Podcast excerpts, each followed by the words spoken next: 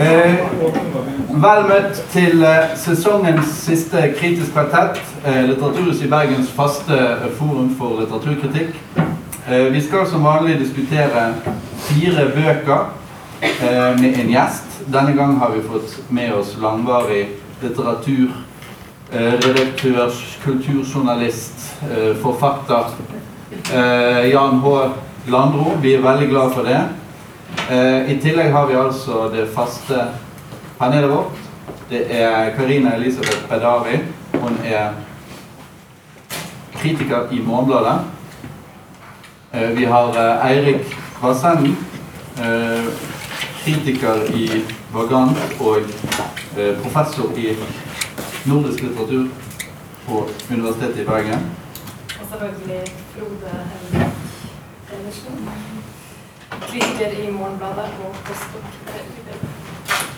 I dag så skal vi eh, ta for oss følgende fire bøker i denne rekkefølgen. Eh, Katrine Blåvinge Bjørnevåg. Eh, 'Om sakene springe blome'. Vigdis Hjort. 'Arv og miljø'. Lucia Berlin. Berlin. Håndbok for vaskedamer. Og Pedro Carmona Alvarez, Norges mest kjente chi- chilener. Bergens ungdomsteater. Vi begynner med Bjørnøyvåg. Ja. Eh, det gjør vi. Eh, denne boken som da altså heter 'Om sakene springer blome'. Og Det første som slår leseren her, er selvsagt språket. Så Det er et underlig syngende, poetisk, eh, nylaget språk. Eh, der det ofte kan være ganske vanskelig å henge med, eh, eller i hvert fall entydig avtvinge setninger og ord i denne boken noen klar mening. Eh, et språk man gradvis forstår, men ikke helt, alltid med en viss usikkerhet. Altså bare tittelen på denne boken her, 'Om sakene springe blome'.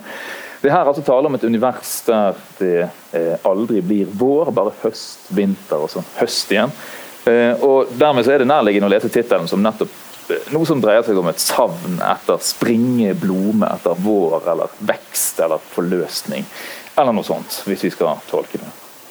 Eh, Det oppdiktete, konstruerte, tale- og mytenære språket som vi her har å gjøre med, er eh, åpenbart i slekt med noen sånne nynorskprosjekter som de vi finner hos Han- Han- Hans Henrik Holm og Aukrust og Kristoffer Uppdal og den slags. Men også selvfølgelig nyere som Øyvind Rimbereid. Dette å lage et nytt språk som kun finnes i litteraturen. da. Og jeg må si at Ganske lenge så tenker jeg at dette, dette forsøket til Bjørnevåg er, er vellykket. At det funker, og at dette språket bærer. For Det kaller fram noen bilder og fornemmelser som både er, er originale, og som bringer tankene hen til andre kjente steder i litteratur og kunst. Blant annet så møter vi eh, flere ganger eh, åpningslinjen, den kjente åpningslinjen fra Olav H. Hauge sitt dikt, eh, hans sonette til et Astrup-bilete. Kan hende drømte deg om dette her, heter det hos Hauge. Hos Bjørnevåg så er det 'Ke hende drømte deg hvor gong det, gong det same', eller 'Ke hende var det inkje draum'. Eh, og sånn som Hauge sitt dikt, som altså da skildrer eh, Astrup sitt maleri eh, 'Vårnatt i hagen', der en mann og en kvinne ligger på kne og graver eller sår. Eh, på samme måte som den åpner et slags sånn rom mellom myte og arbeidsliv, så, så blir det hos Bjørnevåg et ø, åpenbart illevarslende tegn. Altså Det er ikke vår, eh, og det blir ikke vår. Det er høst, og det som skal graves i denne boken, her er små graver. Eh, det er altså en, en historie som fortelles også her. Sant? Den underliggende fortellingen er eventyret om Kvitebjørn, kong Valemon. Iallfall ett av de underliggende narrativene. Eh, en tragedie blir det her da, om de to elskende som ikke får se hverandre som det de egentlig er. Eh, og her går de da til grunne fordi det ikke er rom for noen happy ending. Det finnes ingen heks som kan beseires, eller noen forbannelse som kan heves. Eh, som i eventyret så møter jeget i denne boken da hvitebjørnen eller en bjørn i skogen, forelsker seg i han, men han er en mann om natten. Om natten var det inkje klo dau slog um med meist din venaste han, heter det. Eh, disse to da lever innledningsvis sammen i mørket, men hun holder ikke ut å ikke se han, og tross alle hans advarsler, som i eventyret, så tenner hun da eh, lyset. Det, det vetle ljoset som det heter. Får jeg lov å lese et lite uh, utdrag? Om vi bare får høre hvordan det låter her. Uh, vil du la være å lese det hvis jeg sier nei? Nei, jeg tror ikke det hjelper. La oss høre, da. Dette er fra helt, helt, helt tidlig. Kjærleiki mi, bjørn um dage, mann um natte. Eg stend ikkje ut og ikkje sjå denne mjuke kroppi di. Um eg tende dette vetle ljoset, skulle eg ved ikkje vete at eg såg det. Bare dette skumme ljoset, no ei småstunde meist eg søv. Da keve ikkje harme noen. Altså, dette er selvfølgelig tragisk. Sant? Da keve ikkje harme noen. Og alle som kjenner eventyret, vet at selvfølgelig så eh, går det som det går. Hun tenner lyset, hun ser han, han forsvinner og smelter bort. eller hva man skal si. Sant? Og Her møter kanskje eventyret da, greske mytologien, Orfeus-myten. Eh, mannen går i oppløsning, og hun blir igjen for å synge sin sorg. Og Av denne sorgen så kommer det da nytt liv, nye tragedier. Hun blir gravid, føder ett barn, to barn, tre barn. Ett vakkert barn, ett med bjørnaktige klør og ett, en sykelig unge. Eh, det er litt uklart, og det er ikke så lett å få med seg alt som skjer her, da, men, men, det er åpenbart at disse barna da er dødsdømte. De, de skal bukke under det skjebnebestemte. Eh, og Det er selvfølgelig tre paralleller her da, til eventyrets eh, tre bortadopterte barn, som blir de tre gode hjelperne, men her på en vesentlig vondere måte.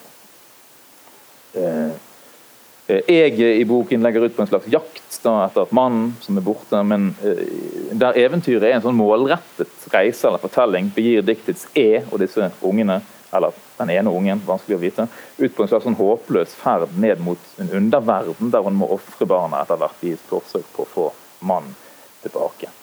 Det ender helt uten forsoning, helt uten omskaping og uten noen ting. Mannen er død, barna dør. og og jeg vandrer da rundt utenfor tid og utenfor alt mot slutten her. Eh, etter at hun har latt havet sluke den siste eh, ungen. I, I, siste del av boken, som heter 'Endetale', eh, det, det, er en sånn tredjepersonsfremstilling der fortellingens E er blitt til ho. Og der står da landskapet helt tomt tilbake. Jordi ligg så hard, o grå, ingenting, veks hist, heter det. Det er en ganske heftig uh, fortelling, dette. For det er, det er en fortelling uh, som bretter ut et stort og dypt mørke. Men det lugger litt grann innimellom her. Altså, kanskje så er det da, uh, som dere har fått muligens et inntrykk av, altså et, et ganske sterkt narrativ her, som, som, på en måte styrer, og som, som, gjør kanskje også at språket, eller språkmulighetene som ligger i dette prosjektet, ikke helt får utvikle seg fullt. da for å skape egne bilder. Altså Det bindes hele tiden til mytefortellingene og til dette eventyraktige. Eh, og Det er et eller annet sånn kryptisk arkaisk i dette språket. En ganske, ganske, betydelig motstand som gjør at selv etter 130 sider så, man, så flyter det ikke. Man står hele tiden og stanger litt. Ja, og nettopp derfor så kommer du ikke så gått inn på fortellingen.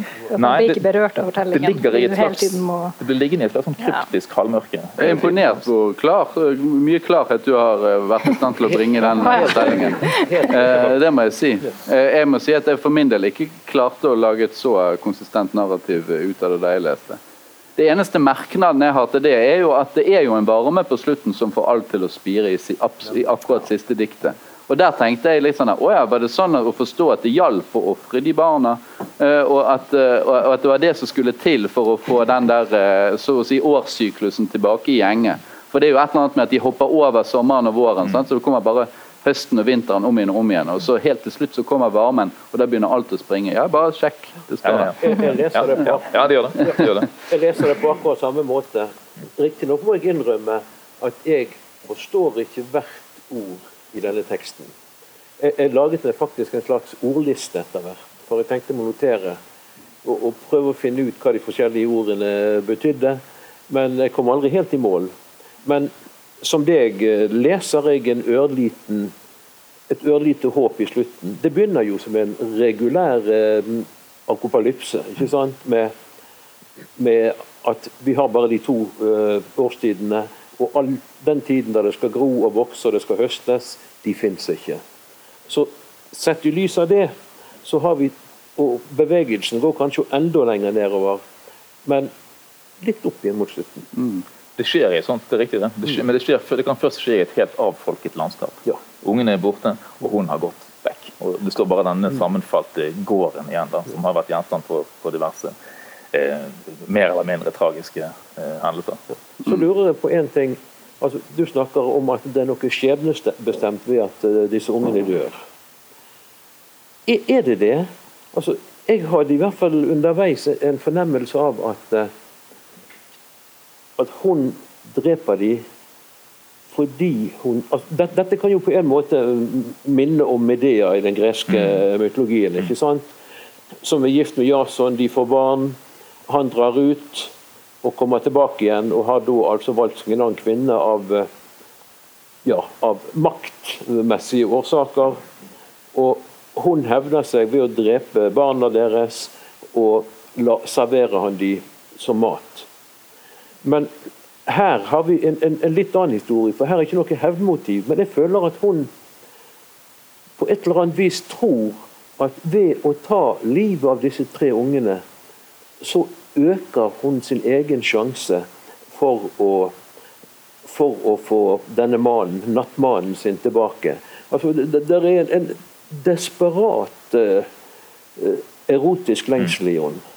Mm.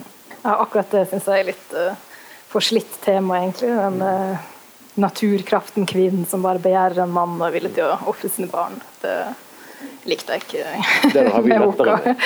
Ja, det, er, uh, verken, eller, det hadde ikke trengt å være verken kvinne eller mann. Ja, nei, det, jeg syns det ble litt, uh, litt for uh, Spiller litt for mye opp til den myten om urkvinnen.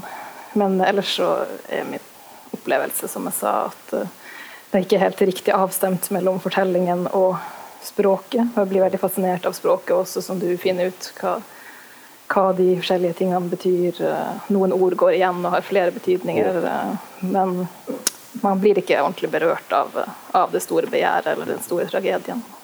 Men, men med hensyn til det språket, der, der, vil jeg gjerne stille et spørsmål. nemlig, altså, det, det, det, går an å si at det språket er Hvis du skal være litt kan du si, lite velvillig, da, så kan du si at språket er en gimmick, eh, på en måte. Mm. Eh, hvis, eh, da, la, la oss forestille oss at det var skrevet på normert nynorsk. Ville diktet da ha fungert? Det, jeg, det var et, i hvert fall et spørsmål jeg stilte meg. Vil diktet da bli totalt banalt? Eh, er, er, er, mye av den der eh, apokalyptiske stemningen og alt dette mørket skyldes det dette litt fremmedaktige språket, som jo legger et slør over forståelsen, og dermed en slags snarvei til nettopp den underliggjøringen som gode dikt eh, gjerne gjør på, ved hjelp av det vanlige språket. Da. Ja, Det tror jeg. Ja. Det er et viktig poeng, for det får alt gå mye saktere. Sant? Det får også gjenkjennelsen til å gå saktere, og det får fortellingen til å gå utrolig sakte. Mm. Eh, det er 135 sider med relativt uh, lite tekst. Ja. Men det er lang tid å lese. å lese. Ja, det, men, det, er en bok hvor det virkelig er språket som skaper verden. Og jeg, jeg syns jo òg at det er jeg syns det er en suggererende stemning i, i, denne historien. Og den tror jeg i stor grad er skapt nettopp av språket. Mm. Og ikke så mye historien som, som du sier, den har vi hørt før. Mm. Men ja, for da, da, blir spørsmålet, hvis det skal være en slags mytologi eh, her, sant? Eh, så er jo mytologi en form for tenkning. En slags prefilosofisk tenkning som skal fortelle oss noe om, om hvem vi er her i verden. Eh, hvilken, hva er det vi eventuelt da kan lese ut av dette? Altså en, en sånn eh, lengsel som det her er snakk om, og så en form for sånn barneofring, og så eventuelt at, at, at, det begynner å spire igjen. Så Innholdsmessig så syns jeg kanskje at eh, det er litt vanskelig å få noe ut av det. da. Ja, det virker litt som en kollasj av masse forskjellige myter. som du sier. Det er litt jobb her, og det er Medea, og det ja, Kvitebjørn kong Valemon, men det er, ikke, det er ikke noe nytt som hun har lagt til. eller finner ikke ut hva som egentlig er retningen. Ja. Nei, men, men altså, det er jo altså det som hun har lagt til når det gjelder selve fortellingen og selve myte- eller eventyrforelegget, er jo at det går ikke opp. Altså Det er en floke som knytter seg og blir tettere og tettere. Og, oss som eventyret, så er det jo også her en, en åpenbar sånn, altså, det som eh, Karina ikke liker, da, begjærsfortellingen som, mm. som driver det. sant? Altså den der eh, Fra den grenseløse naiviteten det kan vel ikke skade noen. Det er ikke noe nytt at man går under og begjæret. Nei, nei, nei, men, her, men her, her, er det, her, er det, så klart, så klart eh, et, et, et, poeng eller et moment av, av grotesk overskridelse. Da, der disse, disse, ungene, som jo er også er sånne, sånne djevlefostre, da. Eh, Den Ja, de ene, krafser seg den, den ut, ene er født med Ja. sølvhår, den andre er født med, med svarte klør som bjørn. Eh, Den tredje er sykelig og er født med, med hvite, eh, stirrende øyne osv. Og så ofres de da for å komme nærmere mannen for å oppfylle begjæret på et eller annet vis. Og Ja. Og så finnes det, men det finnes da innimellom her, og da tenker jeg at den fortellingen kan hende at jeg, jeg er litt for tett bundet til den i et slags forsøk på å konstruere, skape mening i, i, i dette. da. Men det finnes det innimellom her ganske fine enkeltpassasjer og enkeltblikks og enkeltsekvenser. Som, som, som jeg tenker at fortellingen drar ned. da. Ja, men, ja nettopp. Så, så, så min konklusjon vil være at det er stemningen som er, som er det viktigste her. Stemningen er det viktigste. Når du begynner å reflektere for mye over innholdet, så kollapser det. Eh, Men, men der er jo òg eh, ikke så rent lite poesi i dette språket. Ja da, ja da, nei da. og, og for øvrig dette, Disse diktene her bør egentlig først og fremst høres. I hvert fall høres før de leses. Og Jeg lurer på om hun ligger ute med noen av disse diktene på YouTube eller noe sånt. Jeg har hørt snakk om det, jeg har ikke sjekket det sjøl. For jeg har hørt henne lese, og det har en vakker klang. Men samtidig er det slik at hvis ditt aller første møte med dette bare er lesing og ikke noe mer, da tror jeg du sitter der, i hvert fall gjorde jeg, og gapte grann og klarte rett og slett ikke å få med meg eh, all meningen i det. Men leses bør det. Jeg kan kanskje legge til at jeg har snakket noen få setninger med, med forfatteren etter en opplesning i sommer. Og Da fortalte hun hun har seks barn, og etter, eh, etter to eh, av disse barnefødslene så fikk hun eh, det som ble kalt for hormonell afasi. Jeg tror helt sikkert det må være snakk om hormonell amnesi, fordi hun glemte alle ordene. Og, og måtte så å si bygge opp språket sitt på nytt. Og hun fortalte at det har vært sterkt medvirkende til at hun skapte dette språket. Med den biografiske opplysningen så passer det godt å gå over til neste roman, bok, nemlig eh, Vigdis Hjorts 'Arv og miljø'. eh, som jo har eh, vært ganske heftig debattert i eh, de fleste av landets eh, viktige aviser i høst. Eh, finner du frem papirene dine da? Jeg ser ikke bort fra det. Ja. Nå har det seg slik at jeg faktisk uh, av og til snakker med Vigdis Hjorth òg. Og en gang sa hun til meg, og det beit jeg meg merke i, sannhet er irrelevant. Og hun kunne sikkert ha tilføyd, men dikterisk sannhet betyr alt.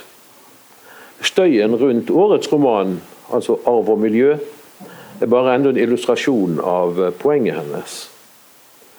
Mottoet til romanen, et sitat fra filosofen Slavoj Zizek, forteller om hvor mye som står på spill. Det lyder slik Å gjøre som en villet handling det du må.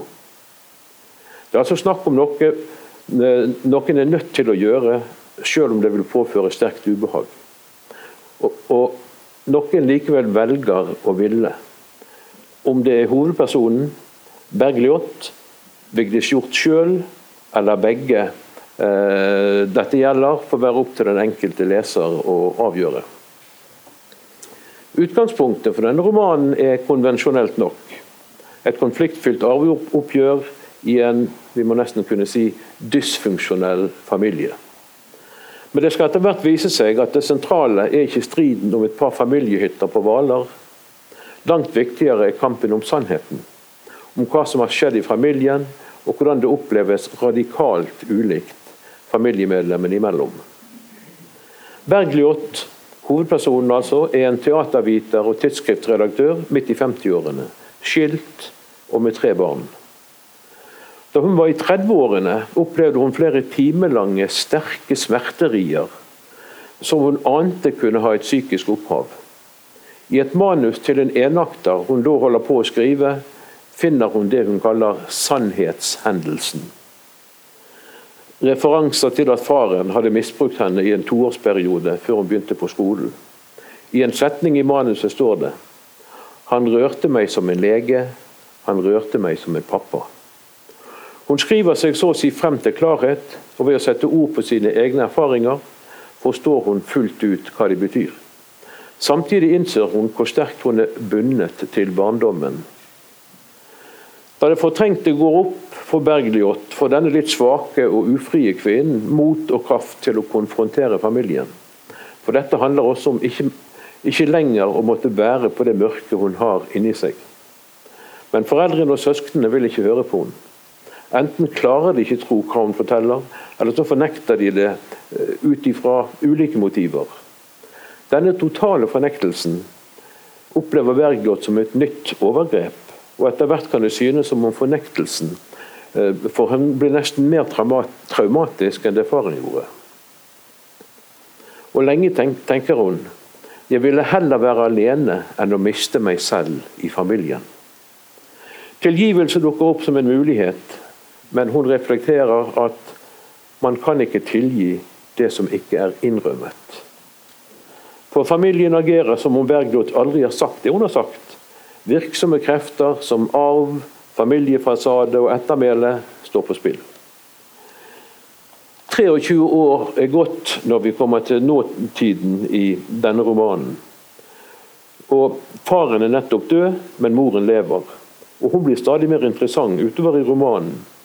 Hun tilhører en generasjon en generasjon kvinner som aldri ble frie, som levde i total avhengighet av ektefellen, og gjerne inntok rollen som lerkefugl. Hun har verken intellektuell, økonomisk eller annen kapasitet til å takle avsløringen. Alt hun har hatt å spille på, var skjønnheten, og for øvrig var hun mannens eiendom. Derfor blir benektelsen hennes desto mer desperat. Men da mannen levde, kunne hun av og til pirke borti incestsåret hans når hun så seg tjent med det. For det er jo den maktesløses eneste makt. Jeg har noe på deg. Hun er altså ikke helt uten manipulerende evner, som vi også ser andre utslag av i romanen. Arv og miljø er en ganske kompleks historie, der Vigdis Hjorth beveger seg fritt i tid og rom, og bare gradvis avslører det som ligger i bunnen. Fremstillingen er fragmentarisk, og gjentagelser brukes langt oftere enn jeg kan huske å ha sett i noen annen Hjort-roman. Lengre kapitler veksler med kortere, helt ned i én eller to setninger. Ofte reflekterende eller mer faktaorienterte. Det er aldri langt mellom velformulerte innsikter eller tankevekkende eh, refleksjoner. Drøm og psykoanalyse spiller en viktig rolle, uten at jeg føler meg like overbevist om bruken av disse elementene. Det er for øvrig et nær sagt en plage jeg syns går igjen i mange norske romaner.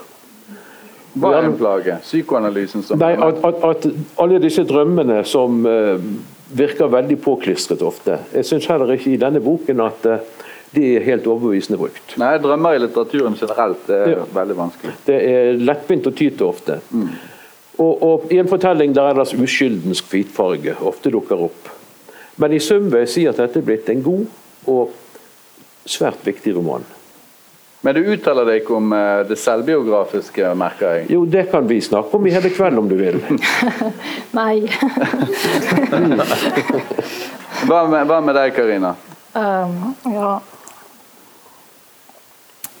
Jeg syns det var fint at du trakk frem med moren, for hun syns jeg er helt enig i at uh, hun er en veldig viktig karakter i romanen, og kanskje egentlig mye viktigere enn faren. Uh, og det med kvinnerollen også et tema som går igjen mye. Eh, ikke bare beskrivelsen av moren, men også beskrivelsen av søstera Astrid, som hele tiden skal gjøre alle til laks. Og hun er også fanget av konvensjoner, på en måte. Mm.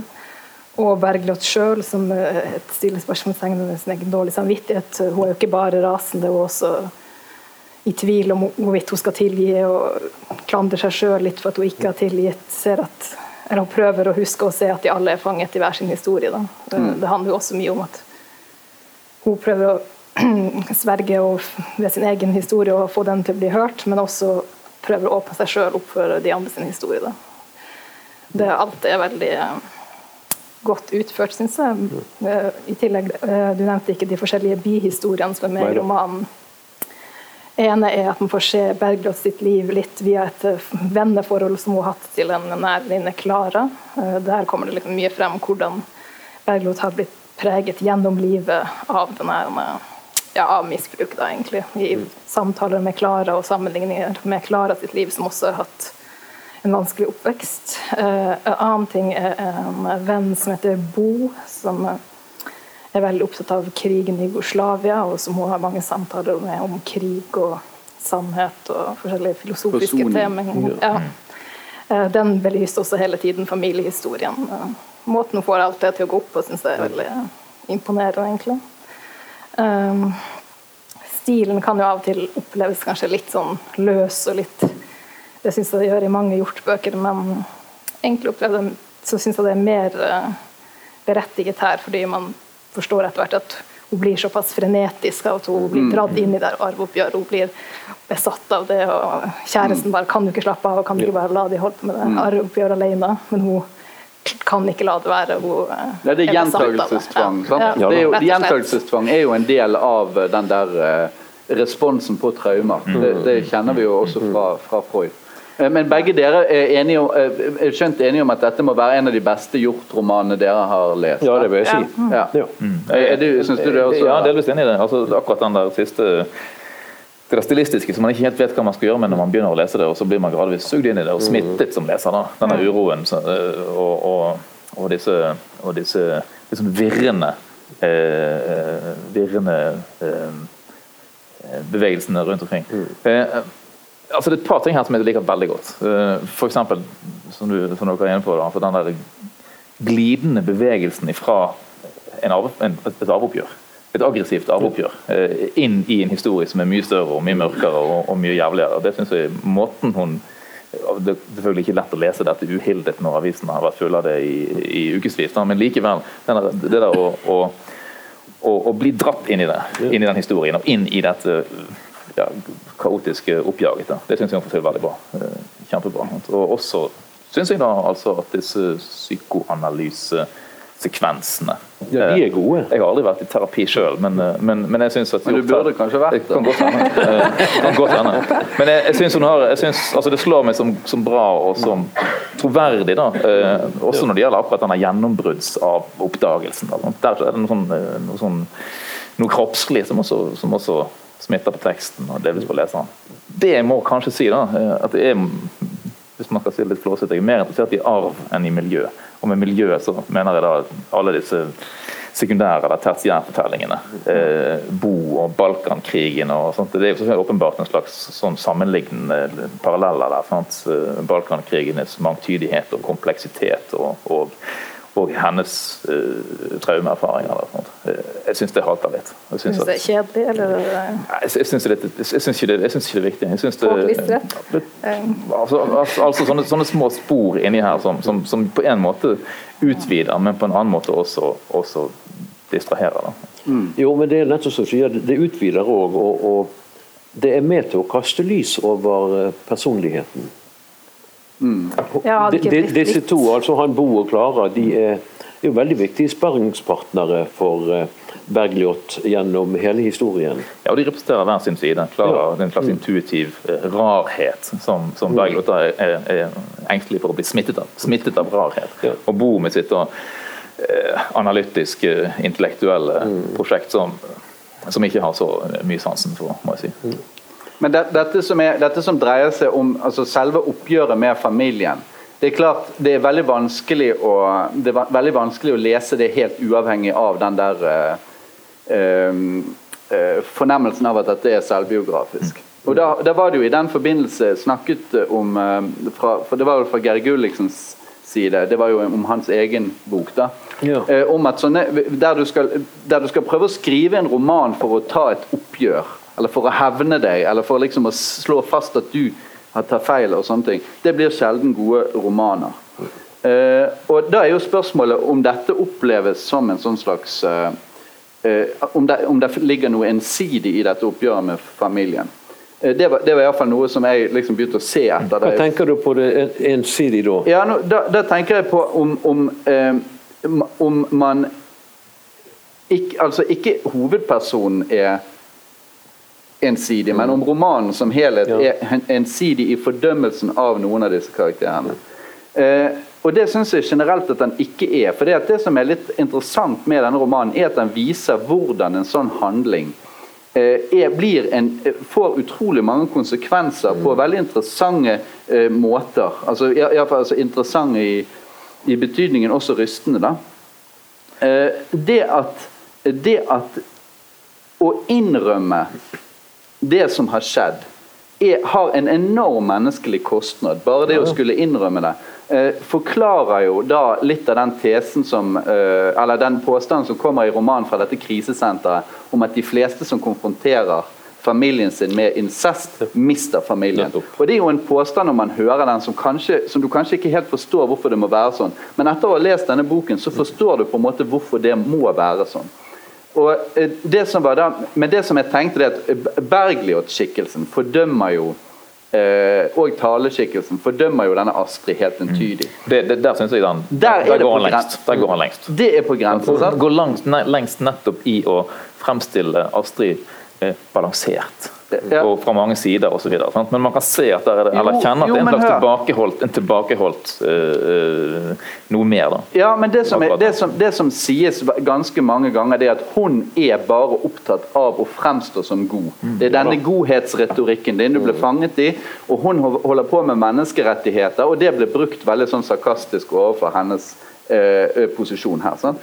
Og det som da, men det som samtidig som man skjønner eh, altså Hennes situasjon syns jeg er utrolig interessant. Fordi at hvis hun anerkjenner søsterens historie, så har det enorme konsekvenser for henne. Hun har et godt forhold til sine foreldre. Hun har hatt en, etter sitt ståsted en lykkelig barndom. Hvis hun skal anerkjenne søsterens historie, så må hun eh, ikke bare fornekte faren, hun vil også miste moren. Hun vil miste så å si minnet om sin egen lykkelige barndom, som da fremstår som en mørk Men- men ikke ting istedenfor. Og, og hun er ikke selv i stand til å tilgi. Hun kan ikke tilgi faren. Derfor så, derfor så er hun på en måte ute av stand til å gjøre noe med det. Hun må, Hvis hun skal gjøre det som er moralsk rett, så, hun, så vil hun også miste familien. Og hun, I motsetning til Bergljot, som kan tilgi, så kan ikke hun det. Men ikke det, ikke det et, et, et, eh, altså noe av det som gjør portrettet av denne Astrid-søsteren da eh, vondt? At hun antyder at hun har innrømt det, eh, Ja. men ikke kan si det. Ja. Hun har erkjent det, men hun kan ikke så å si, komme med den, den åpne innrømmelsen, fordi at da vil det ramle. Altså det, det, det, I henne så er det da det tenker jeg at romanen sier, den, altså den anklager henne for. Den. I henne så ligger det en moralsk inkonsekvens sant, som er utålelig. eller hun, utholdelig. det hun trøster seg med, eller det hun prøver på, er jo å si det at jeg har ikke nok informasjon til å foreta noen eh, rettferdig eh, vurdering av hva som har skjedd. Derfor så tar jeg, velger jeg å la være å ta stilling. Og eh, Romanen viser jo veldig tydelig at å la være å ta stilling betyr å ta stilling med foreldrene, til, til fordel for foreldrene. Eh, og Det syns jeg er veldig bra. Der, men der kontrasterer egentlig romanen som helhet eh, Bergljots egen litt ensidige fordømmelse som at hun bare er opptatt av å fremstå som god. Det er jo helt feil. Det er ikke det som er hennes eh, problem. Hennes problem er at kostnaden med å innrømme dette er enorm. Og det er hun på en måte da for feig til å Hun gjøre. Hun gjør jo gjentatte forsøk på å få Bergljot i tale. Og antageligvis på, for å finne en eller annen løsning eller forklaring som hun sjøl, altså Astrid, òg kan leve med. Og hun blir jo da avvist gang på gang av søsteren. Så det der er problematisk. Og til, altså først, første gang eh, for 23, 23 år tilbake i tid Første gang Bergljot eh, konfronterte familien med disse anklagene, da var jo Astrid faktisk eh, ja, tilbøyelig til å, å tro på dette. Men hun har vel sett at omkostningene ble for store. Men syns du at det er så ensidig? Jeg syns, jeg husker at det, hun et sted skriver noe sånt som at eh, min far kunne ikke være annerledes enn han var, klarte ikke å la være å være sånn som han var. Uh, mor klarte ikke det, Astrid klarte ikke det, jeg klarer ikke det sjøl, jeg ødelegger for alle, jeg ødelagt. Nei, Jo, men på mange måter er er hun faktisk mer rettferdig overfor faren eller overfor Astrid. Og så har du den andre søsteren, da Åsta, som altså, hun, hun blir helt uinteressant fordi at hun har tatt stilling, og hun er ikke i tvil. Hun vil ikke snakke om dette overhodet. Så det er Astrid blir jo en veldig interessant eh, figur i hele dette. Og Ja, for det, det gjør vondt. Det, gjør, det at hun ikke tar stilling, gjør veldig vondt. Altså, ja. Bare for å presisere det jeg mener.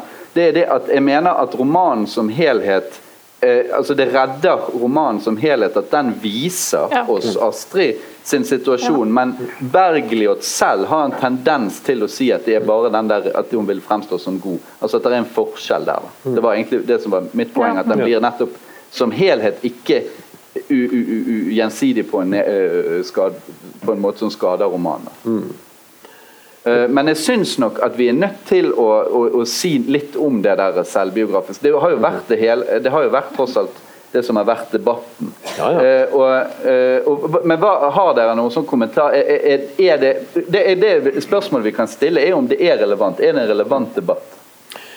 Jeg føler at det ikke er det. Jeg opplever at dette er en debatt vi har med jevne mellomrom. Og det endrer i hvert fall ikke på min opplevelse av romanen. Jeg opplever romanen som svært relevant og viktig. Og om dette skulle være forfatterens egen historie, lett forkledd eller ikke, betyr ingenting fra eller til for meg, iallfall. Er du helt sikker på det? Yes, man. Det er jo en hypotetisk problemstilling, fordi at er ingen av oss som har uh, rukket å lese denne romanen før vi ble presentert for uh, Aftenposten sin gravejournalistikk. Eh, og jeg er helt overbevist om at det selvfølgelig styrer lesningen i bestemte retninger. At det gjør noen ting med lesningen av romanen. Uh, kan ikke si at det svekker det på noen som, svekker den på noen som helst slags måte. Om den styrker det, eh, vanskelig å si, men den, den binder selvfølgelig noe eh, på et eller annet nivå. Da. Det, det, det, det klarer ikke jeg, klarer ikke jeg å, å tenke, klarer ikke tenke det annerledes. da. Eh, Men altså, veldig usikker på om, om, jeg, om jeg skulle ønske at vi ikke hadde hatt disse opplysningene her. Eh, Jeg tror heller ikke det spiller noen rolle, fordi at den, den følelsen som, som, som jo er ganske sterk i møte med den teksten, her, den har også vært like sterk i møte med Hjort sine andre romaner. Det var akkurat samme måte. Men så, så du, det er ingen av dere som mener det er noe etisk problematisk her? Det er det etisk problematisk, eh, men ikke uinteressant. Og ikke, og ikke noe som, som hindrer oss. Det er selvfølgelig litt problematisk. Eh, Den, den grensen vil jo alltid være problematisk, særlig når vi snakker om sånne ting som det vi her er, er innom. altså Portretter som balanserer helt på grensen, som, som, som bærer i seg eh, eh, potensielle beskyldninger og, og Men tror du at hvis hun hadde stått frem i et intervju i Aftenposten før romanen kom ut og bare 'Min far har misbrukt meg, han er død nå', at noen hadde brydd seg da om at det var etisk problematisk? Det tror jeg ikke. Det er bare sånn uh, At det er hykleri? Nei, men- Ja. og, og Det er dess- dessuten vet vi jo Nei, ikke ikke bare Aftenposten, men uh, Vi, vi vet ikke sannheten. det er et sånn ærlighetskrav, ærlighetskultur. Og hvis du ikke går med på det og har uh, litt forkledd, uh, om det kanskje er fiksjon, kanskje selvbiografisk, ja, da skal du bli tatt. uh. Ja, altså, vi, kjenner, vi kjenner jo tilsvarende historier om, om eh, forfattere som har gjort uh, Edward Seydobin, som vi hadde inne her tidligere, gjorde akkurat det samme. Eh, en roman med andre navn. Et et med serie overgrep. han var åpen. Han var åpen i pressen.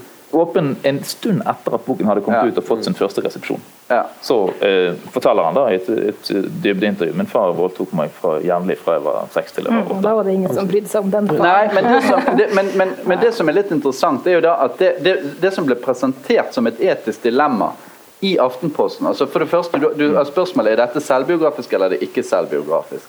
Så det at Hvis det er selvbiografisk, da må det være sant. Eller så kaster mistankens lys over en uskyldig mann. og sånn står det. Og Det er jo ikke det etiske dilemmaet. For hvis den er selvbiografisk, så ligger det jo i sakens natur at historien er sann. Ellers så vil det jo være meningsløst å skrive en sånn roman. Sånn at det, Der mener jeg at det var en utrolig rar opptak til hele den der etiske debatten. Og den etiske ble ikke bedre. Nei. Sånn at Den etiske debatten må jo være kan et incestoffer har et incestoffer lov til å skrive en roman basert på sine erfaringer som incestoffer? Da vil jo selvfølgelig alle måtte svare ja med en gang. Det, det må jo være ganske klart. Mens dette her, sånn som Aftenposten la det opp, og så begynte å grave med liksom om, som om den gravingen var eh, på vegne av de som var etisk, så å si moralsk skadelidende, men som jo selvfølgelig bare var skandalejournalistikk. Det syns jeg var utrolig klart. Ja. Det er faktasjekkingen som her er, er irrelevant. da. Ja. Det må man mene. Altså For oss som lesere så er det klart at det ligger en serie med moralske dilemmaer eller spørsmål eh, fremme her. sant? Åpen til diskusjon, og, og, og man kan ikke lese en sånn tekst uten å tenke på det.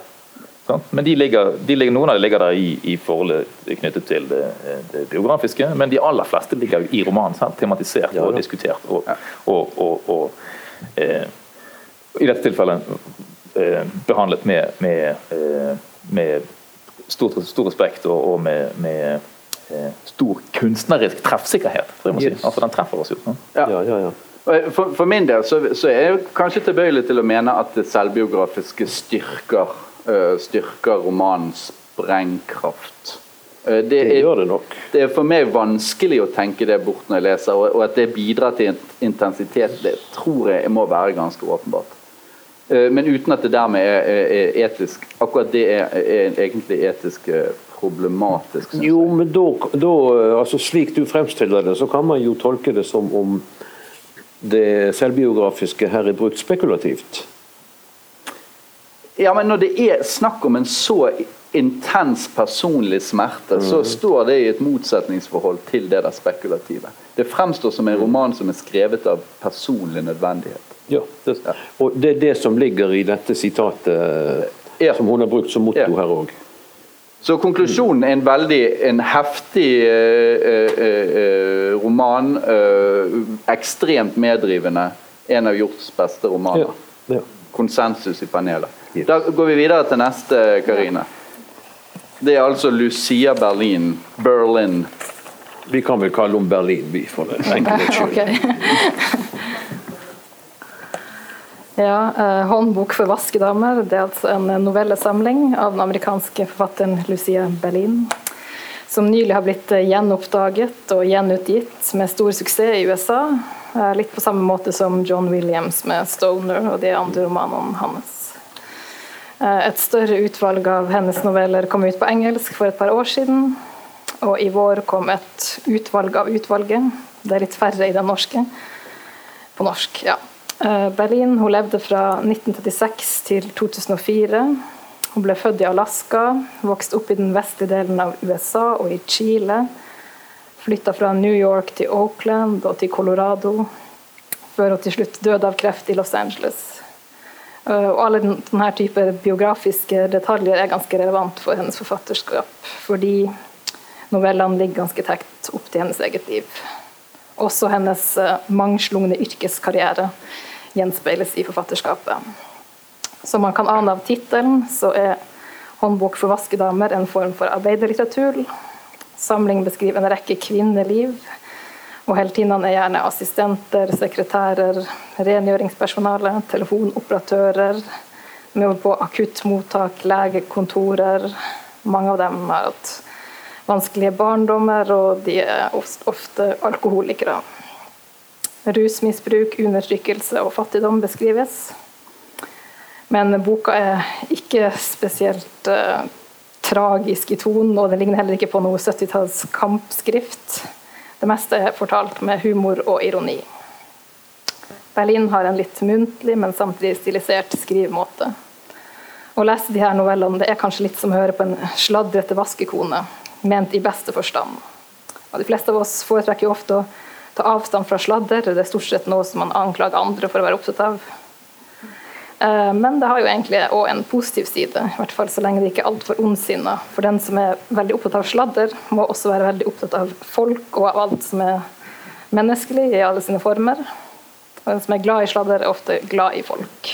Og noe av det som er mest karakteristisk for Berlin sine noveller, det er det at de er veldig levende og ja, har en slags kjærlighet til folk, kan man kanskje si.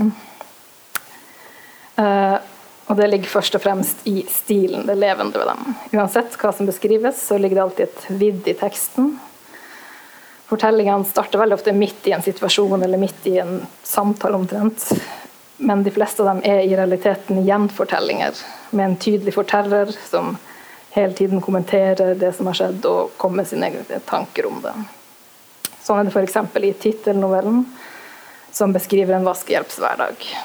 Her kommer vaskedamas råd til andre vaskedamer i parentes gjennom teksten. Eh, F.eks.: Vaskedamer, kolon. Gjør det til en regel å aldri jobbe for venner. Før eller siden kommer de til å hate deg fordi du vet så mye om dem. Eller du slutter å like dem fordi du gjør det. I samme novelle er det også flere eksempler på Berlin sin drepende humor. Eksempel så blir vaskedama spurt om hvorfor hun har valgt dette yrket. Svaret ja, det er vel enten skyldfølelse eller av sinne. Uh, Vanligvis så syns jeg at noveller kan være en ganske irriterende sjanger. Uh, For det blir så utrolig fort maniert når eh, livsutdrag eller fortelling skal komprimeres ned til novelleformat.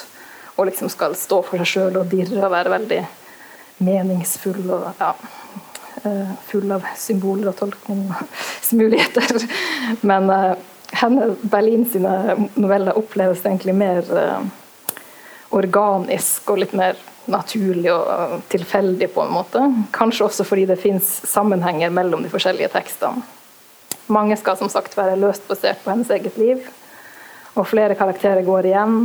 Eh, en bestefar bl.a., en suicidal mor, en søster, noen ektemenn og noen barn. Sammenlagt så blir boka en slags eh, episk størrelse. Hun har blitt sammenligna med amerikanske forfattere, novelleforfattere som Raymond Carver og Laurie Moore, eller hva hun heter. Eh, Hun har vel noen åpenbare tematiske likheter med dem. Men jeg tenker egentlig litt mer på russiskspråklige forfattere når jeg leser henne, sånn som Tsjekhov. Hun har åpenbart lest han og lært mye av hans måte å være vittig på, og hans måte å avslutte fortellinger, starte og avslutte dem midt i.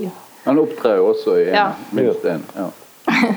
Og Isak Babel, den ukrainske forfatteren sine korte fortellinger. Eh, Det er jo noe man kunne sammenligne henne med. Men du, så du likte denne kjempegodt? Eller Ja, altså godt? ganske godt. Jeg vet, jeg vet ikke om jeg vil si at det er jo blitt kanskje en sånn uh, greie nå at uh, skal ta, trekke frem gamle, glemte klassikere. Og om det er et eh, mesterverk, det vet jeg ikke akkurat, men eh, jeg syns det var en eh, god bok. ja. Enten når det er gammel eller glemt, så vil jeg si at allerede den første novellen saug meg inn. Der er noe, hun, hun går rett på sak, det er så umiddelbart. Og, og historiene fortelles eh, veldig usentimentalt. Og du, du nevnte ironi, men viktigere er faktisk den varmen som går gjennom mange av disse historiene. Ja, det er sladden. mm. Nei, men ikke bare altså varme, men på en bestemt måte. Sant? Altså, det, veldig mange av disse, som du, som, som du sier, Karina, eh, hovedpersonene her er altså, omsorgsarbeidere. Ja. Sykepleierne er vel kanskje den som går igjen flest ganger. Veldig mange av scenene her er også den type uh, omsorgssituasjoner, men, men og, nesten alltid med en, litt sånn med en profesjonell distanse. Ja Hardhet, eller, eller hva man skal si. Sant? Men som, som, som likevel ikke blir stående i veien da, for en form for genuin omsorgsutøvelse. Nei, og kanskje nettopp, kanskje nettopp fordi at hun har hatt så mange av disse yrkene selv, at hun Ja. trenger på en måte ikke å vise at hun liksom eh, eh, eh, har, har omsorg for dem, da, eller at hun syns synd på dem, eller noe sånt. Hun har stått der selv. Hun har vært vaskehjelp, hun har vært alle disse tingene selv. Hun har jo levd et veldig sånn eh, kaotisk, omflakkende liv. Eh, Og det er en stor fordel. Her ser, vi jo, her ser vi jo det at Hvis du skal skrive om ditt eget liv, så er det en stor fordel at du har opplevd veldig mange forskjellige ting. Og ikke bare liksom har, har hatt et par forelskelser og gått på skole og sett mye på TV. Eh, så at her er jo en person som, her er jo en person som virkelig observerer. eh, Enormt godt. ja. Ja. Uh, og som har også en utrolig sånn evne til å ta akkurat den kommentaren, eller de par kommentarene som karakteriserer en per person. Eh, men du likte den altså du likte den like, enda bedre enn Karina? Ja, hakket bedre. Jeg må tror jeg være nesten. liksom Men eh, skal du ha det med desimaler? Nei, nei, bare, bare ja. Ja. Mm. samtidig så må det være lov å si, da, som også Karina er inne på, altså at det å lese noveller kan være slitsomt. Altså, det, det er en, Jeg vet ser, en hvert serie med utrolig mange menneskeliv som, som passerer forbi her. Mm. Eh, Og, selv, og selv om eh, mange av de blir stående ganske klart da, etter endt lesning, at man husker veldig mange bestemte scener og veldig mange av disse, disse, disse personene som ofte ikke har navn engang. De har bare noen sånn sentrale karakteriserende egenskaper. Eh, så er det, så er det utmattende. Altså En roman har man jo et, et sett med karakterer å holde seg fast i og en, en tråd. Sant? Mens her er det Men her, her er tross alt en hel del gjennomgangsfigurer Ja, ja da, og- og- gjennom det hele. Og, og ta f.eks. den korte karakteristikken av bestefaren. Han dukker vel opp allerede i første fortelling. Hun skriver han er trangsynt, ondsinnet og stolt av det. Da har vi plassert det. ja, men, og Poenget med dette er jo da at nettopp, nettopp alt det der slitsomme, strevsomme eh, mengden av mennesker og inntrykk og scener, det er jo, eh, som Frode sier, det, det er noe livsnært ved det. da. Absolutt. Det, Eh, men så har han også, har han også en, en, egenskap som jeg, synes, eh, som jeg liker utrolig godt, og kommer kanskje best fram i noen av de korte tekstene. Så da Han klarer å omskape noen små glimt, noen små scener til noe nesten sånn mytisk allegoriske. En av de tekstene jeg liker best, er den der der er det nok en slags sykepleier, tror jeg. Eller lege. Jockey. Min jockey. Ja, det er. Den er helt utrolig. En og en halv side lang tekst om en jockey på en galoppbane som da under oppvarming eller på trening eller noe ramler av hesten, brekker noen ribbein og ligger helt sammenkrøpen. Eh, og så kom bitte liten mann.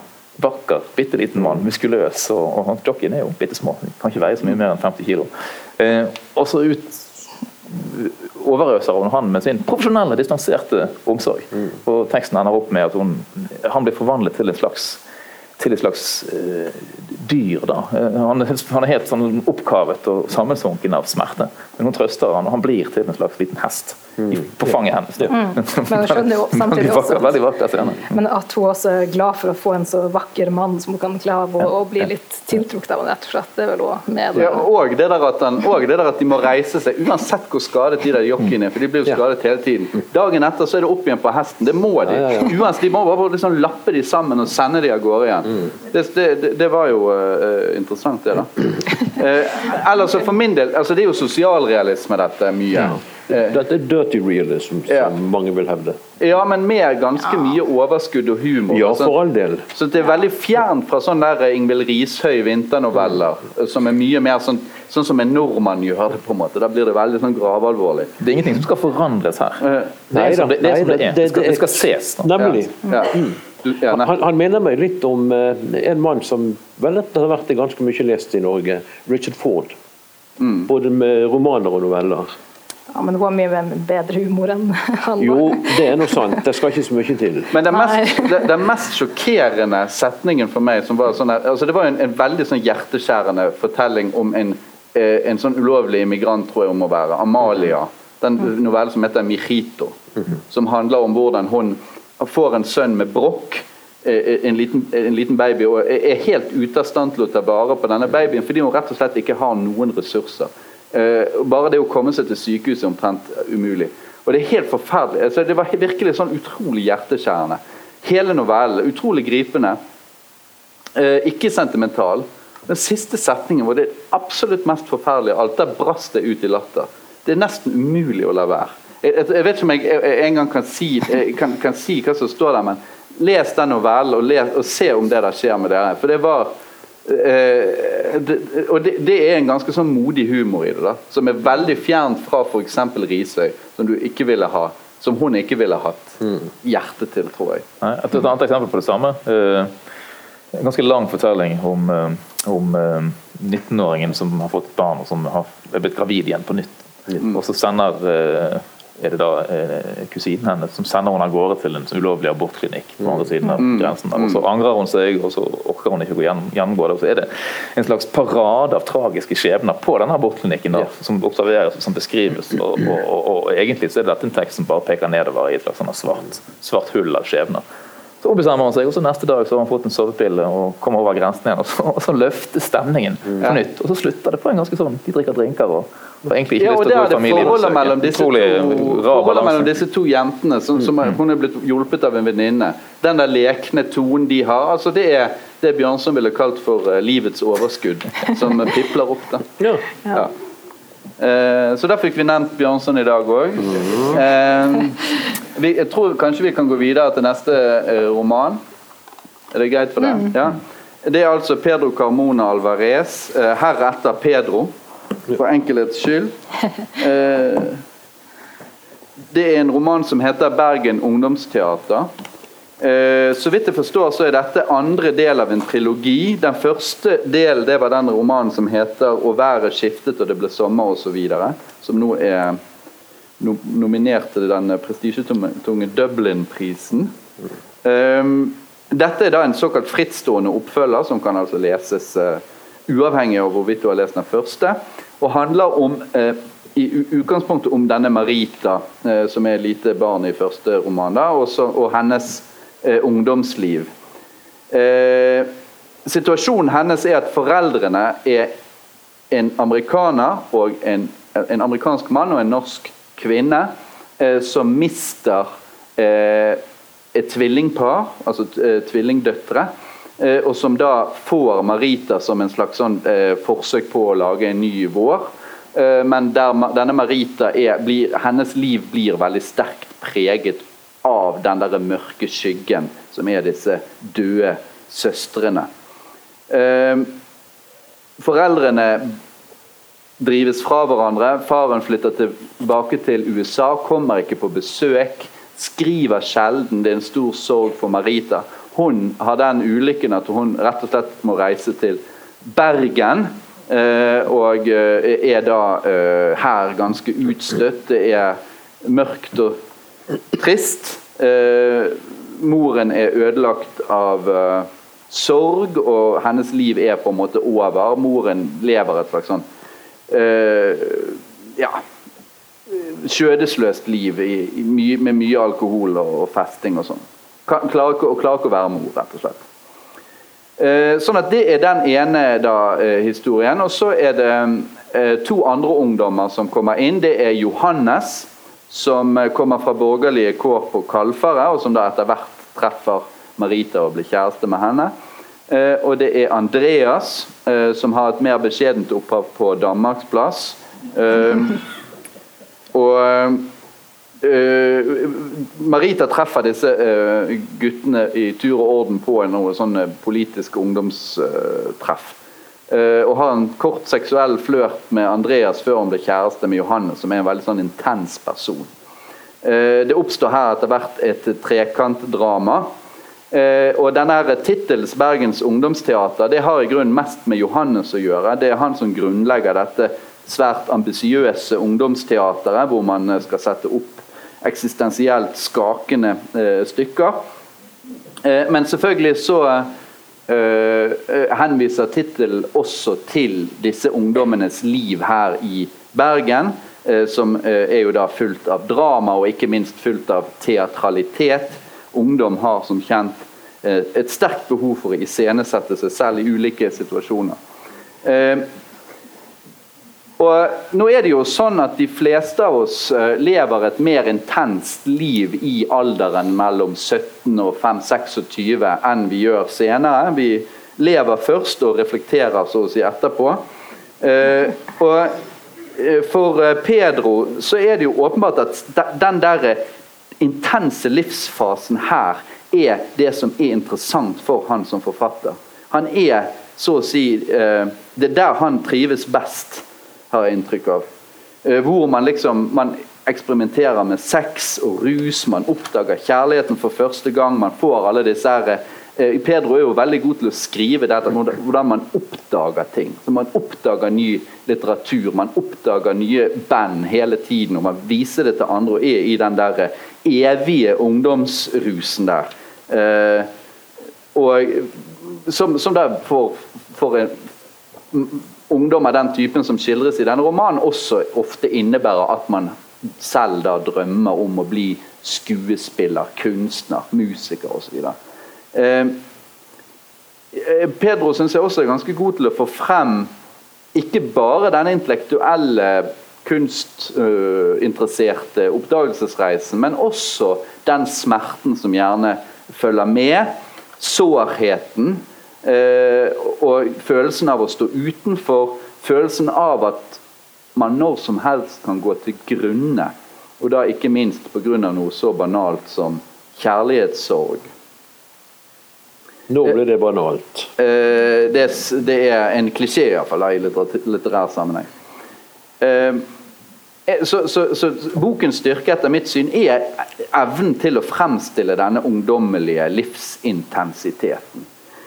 Problemet med romanen er vel at det er en ganske velbrukt sjanger, altså denne oppvekstromanen, eh, 'Coming of Age Stories', eh, som er da et landskap som er full av nettopp klisjeer.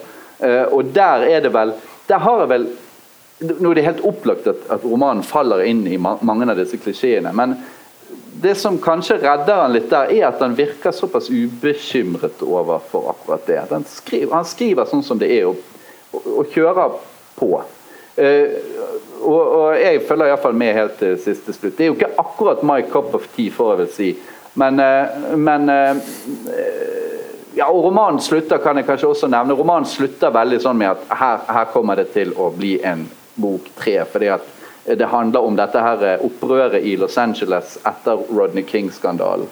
Hvor, hvor, hvor, det er total opprør, og hvor hun her, Marita reiser inn i kampens hete for å filme, dokumentere. Og så blir hun slått ned og litt sånn forskjellig. Der stopper det bare midt i, sånn at vi skjønner at her kommer det mer. Ok, nå har jeg snakket nok. Jeg har, jeg har litt problemer med særlig Johannes og familien hans. Det blir altså så borgerlig perfekt ved middagsbordet der hjemme at jeg lengter etter uh, fiskeboller i hvitsaus. Rett og slett. Ja, så du tror, ikke, du tror, ikke, at de på Kalfaret spiser litt lite fiskeboller i hvitsaus? Nei, jeg har, jeg har, mist, jeg har mistanke om at det ikke er hovedretten uh, der oppe. Men det er nå greit nok. Og, og, så har du Johannes sjøl. Han blir jo veldig sentral i Maritas liv. Men for meg fremstår han som en konstruksjon. Riktignok, som du sjøl var inne på, tittelen på boken dreier seg om mer enn dette, denne teatergruppen. At det òg er snakk om iscenesettelse. Men måten han snakker Han snakker som en bok, og mind you, en bok fra 1800-tallet. Ja, men Har du ikke møtt folk som gjør det? det Nei, de har holdt det til 1900-tallet, de jeg har møtt. Men for, for, for eksempel altså han, han, er jo intellektuell og vil være enda mer intellektuell. Og så skal han gi en analyse av Hamlet. Og hva sier han da? Jo, det er en, Temaet der er tvilens skjærende brem. Tygg litt på den, folkens. Når hørte dere det sist? Du hørte det, du hørte det, sikkert i en parodi på den type intellektuell ungdom som han er. Nei, det er jo altså- åpenbart at han er en karikatur jo, også. Men han, jeg tror han først blir en karikatur senere i boken. Altså Når han er på folkehøyskole, det er det åpenbart uh, en karikatur. Ja, da blir han jo synlig. Så da karikaturen blir avslørt. Han, mm. at han lever men alle de kapitteloverskriftene som handler om han, det er jo 'Å, Johannes. Og det er ja, da, ja, da. over han, da. Det. Ja, det, det, er klart, det er klart det er noe melodramatisk ved beskrivelsen av alle disse tre ungdommene ungdommene. Og teatralitet som du sier, er jo et slags poeng. Det blåses opp her. Eh, og, og, alle Johannes sine monologer om kunstens vesen. Han er jo 16 år, 17 år når det kommer her. Sant? Mm. Eh, det er klart at de også er karikerte. Jeg kan kanskje si litt om det, fordi at uh, dette er jo en tekst som, som på mange måter eh, beskriver min oppvekst. De er født i 1970, disse menneskene her. Året før jeg er født. Og de har gått på omtrent samme skolene, og de har sett omtrent det samme utelivet i Bergen rundt 1989. Og, og, med litt uflaks så kunne jeg sikkert også ha endt opp som en sånn karikatur. Som, eh, apropos snakke som en bok. Du spilte i band nå, jo. Jo da, alt dette. Eh, men da eh, må jeg jo si at han har vel kanskje smurt på eh, her. Akkurat dette som går i retning av det som jo er interessant, og det som er litterært. Kanskje mer litterært enn i litteraturen eh, enn en det egentlig er dekning for i, i, alle fall i midt 1989. da. Eh, Eh, og disse litt oppblåste stadige overskridelsene og enorme festingene og seksuelle overskridelser i, i, i, i hele tiden, da. Ustoppelig. Så Pedro var på litt bedre fest? Kan jeg godt forestille meg kan godt forestille meg det.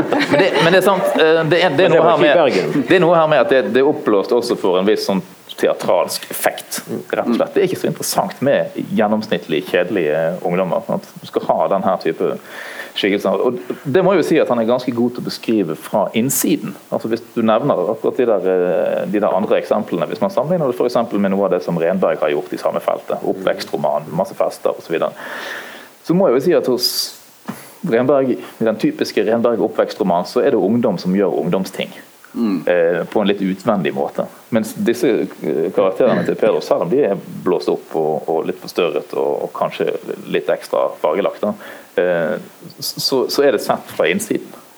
Altså Det er type ungdomserfaringer som er beskrevet med, med genuin entusiasme. Ja, nettopp det. Stor glede. Det er som om Pedro tenker at det er denne tiden her som er det liksom, som er verd noe i livet. Ja. Det som men, kommer etterpå, men, er på en måte Men samtidig liksom... så er det romantisert inntil det punktet der det nærmer seg en slags rockeopera. Ja, ja. Det tror jeg. Ja. Hva sier du, Karina? Likte du boken?